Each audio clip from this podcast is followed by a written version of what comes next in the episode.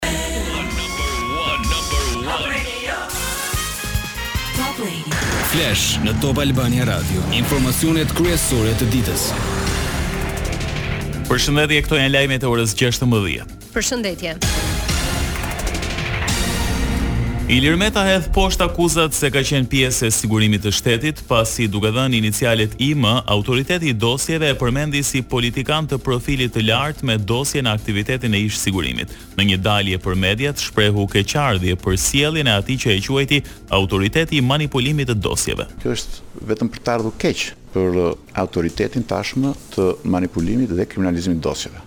Me një email anonim elektronik, që jam i sigurt kur të bëhet publik do gajaseni të gjithë. U zbulua që mas tridhjetë e sa vjetësh IM-ja qënka ky njeri i cili që në mars të nëntëdhjetë e dyshit është bërë deputet dhe i është nënshtruar të gjithë filtrave dhe gjithë komisioneve të gjitha kohëve që nga i zotit Berisha që nuk e kaloi gjysma e asaj partisë ku isha unë atëherë dhe që tani është kthyer në një parti patronazhistësh dhe vërtet sigurimsash apo fuksash, e deri në pas kohën e Fatos Nanos e në të gjitha kohët, përfshirë edhe kohën e këtij autoritetit të tanishëm.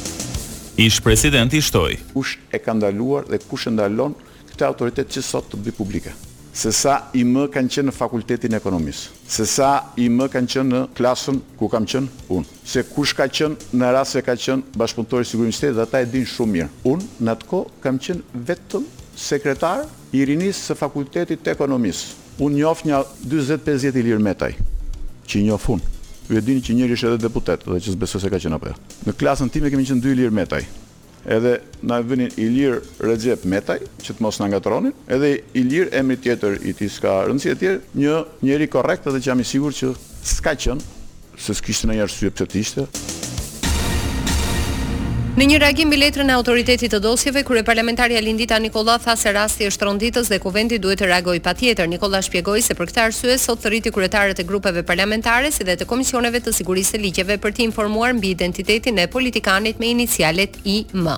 Prandaj kam thirrur sot kryetarët e grupeve parlamentare, kryetarët e Komisionit të Sigurisë dhe të Ligjeve, të cilët i kam informuar mbi letrën e autoritetit, identitetin e politikanit me inicialet IM, si dhe gatishmërinë time për ta mbledhur Kuvendin në çdo kohë që forcat politike do të kenë nevojë. Dua të falënderoj Autoritetin e Dosjeve për reagimin e drejtë, pavarur dhe profesional, si dhe për kurajon në adresimin e këtij rasti, i cili ngre pyetje të rëndësishme për shoqërinë tonë dhe për forcat politike.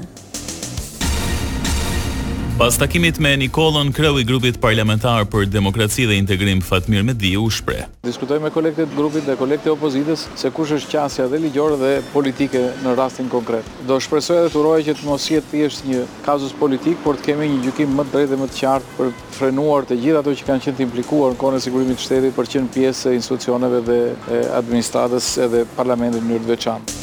Po ashtu, pas takimit me Nikollën, kryetarja e grupit parlamentar të Partisë Drejtësi, Integrim dhe Unitet Mesila Doda tha se kryetares së Kuvendit i kërkoi të bëjë pastërtinë e figurës për deputetët. Të rifusim edhe një herë konceptin e ligjit lustracionit, i cili është një ligj që maxhoranca e sotme nuk e pati votuar në vitin dy mijë e pesëmbëdhjetë kur ne e kishim paraqitur aso kohe. Gjëja e dytë që kërkova nga kryetarja e Kuvendit është që të kërkojë pranë Autoritetit të Dosjeve verifikimin e pastërtisë së figurës për të njëqind e dyzet deputetët.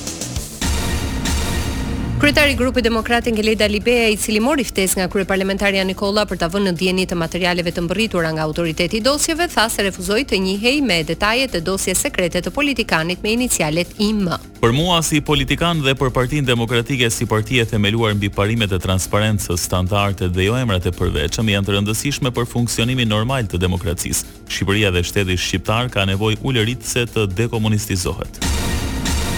Gjykata Kushtetuese rrëzon ankimimin e ish-ministrit të Mbrojtjes Fatmir Mediu kundër vendimit të Gjykatës së Posaçme të Apelit që pranoi kërkesën e SPAK-ut për rihapje të hetimeve mbi dosjen Gërdeci. Përmes avokatit, Mediu pretendoi se vendimi ishte në shkelje të ligjit të parimit të gjësë së gjykuar, pasi dëgjoi relatorin e çështjes Sandër Beci, shqyrtoi kërkesën, dokumentet shoqëruese e diskutoi çështjen në tërësi. Kolegji vendosi të mos e kalojë për shqyrtim në seancë plenare. Lajmet në internet në adresën www. Pikë Top Albania Radio Pikë Com.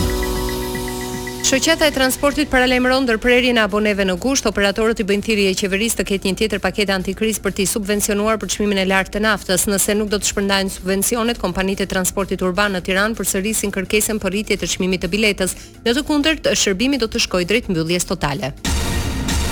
Njëzet e katër orët e fundit janë raportuar njëzet e gjashtë vatra zjarri në vend, njëzet u shuan plotësisht, por gjashtë ende janë aktive. Sipas zëvendës ministres së Mbrojtjes, Dallëndyshe Bici, është fjala për ato në Ndërshen të Mirditës, fshatin Halil të Krujës, Velçan në Berat, Bogë në Malësi të Madhe, si dhe fshatin Qukës Skënderbej, Bashkia Prrenjas. Në vijim pritet që gradualisht vranësirat të shfaqen në thuajse gjithë vendin, më të dukshme në verilindje dhe juglindje, duke krijuar mundësi si për reshje të pakta e të izoluara shiu, temperaturat variojnë nga tetëmbëdhjetë në tridhjetë e shtatë gradë Celsius. Lajme nga bota. Mbi një mijë fluturime të Lufthansa-s u anuluan sot për shkak të grevës së punonjësve të kompanisë ajrore gjermane. Kjo prek qindra mijëra pasagjerë, ndërsa kriza e udhëtimeve vazhdon të thellohet në Europë, tani që lëvizjet janë rikthyer në nivelet e dy mijë e nëntëmbëdhjetës, vitit para pandemisë koronavirus. Rreth njëqind e tridhjetë e katër mijë pasagjerë u detyruan të ndryshojnë planet për udhëtime apo edhe duhet t'i anulojnë. Edhe fluturimet e kompanive të tjera, në të cilat përfshihet stafi i Lufthansas, janë prekur. Aeroporti i Prishtinës bëri të ditur se greva e punonjësve të kompanisë Lufthansa mund të trazojë edhe fluturimet drejt Kosovës sot e në orët e para të ditës së nesërme, Periudhë që përkon me kohëzgjatjen e grevës.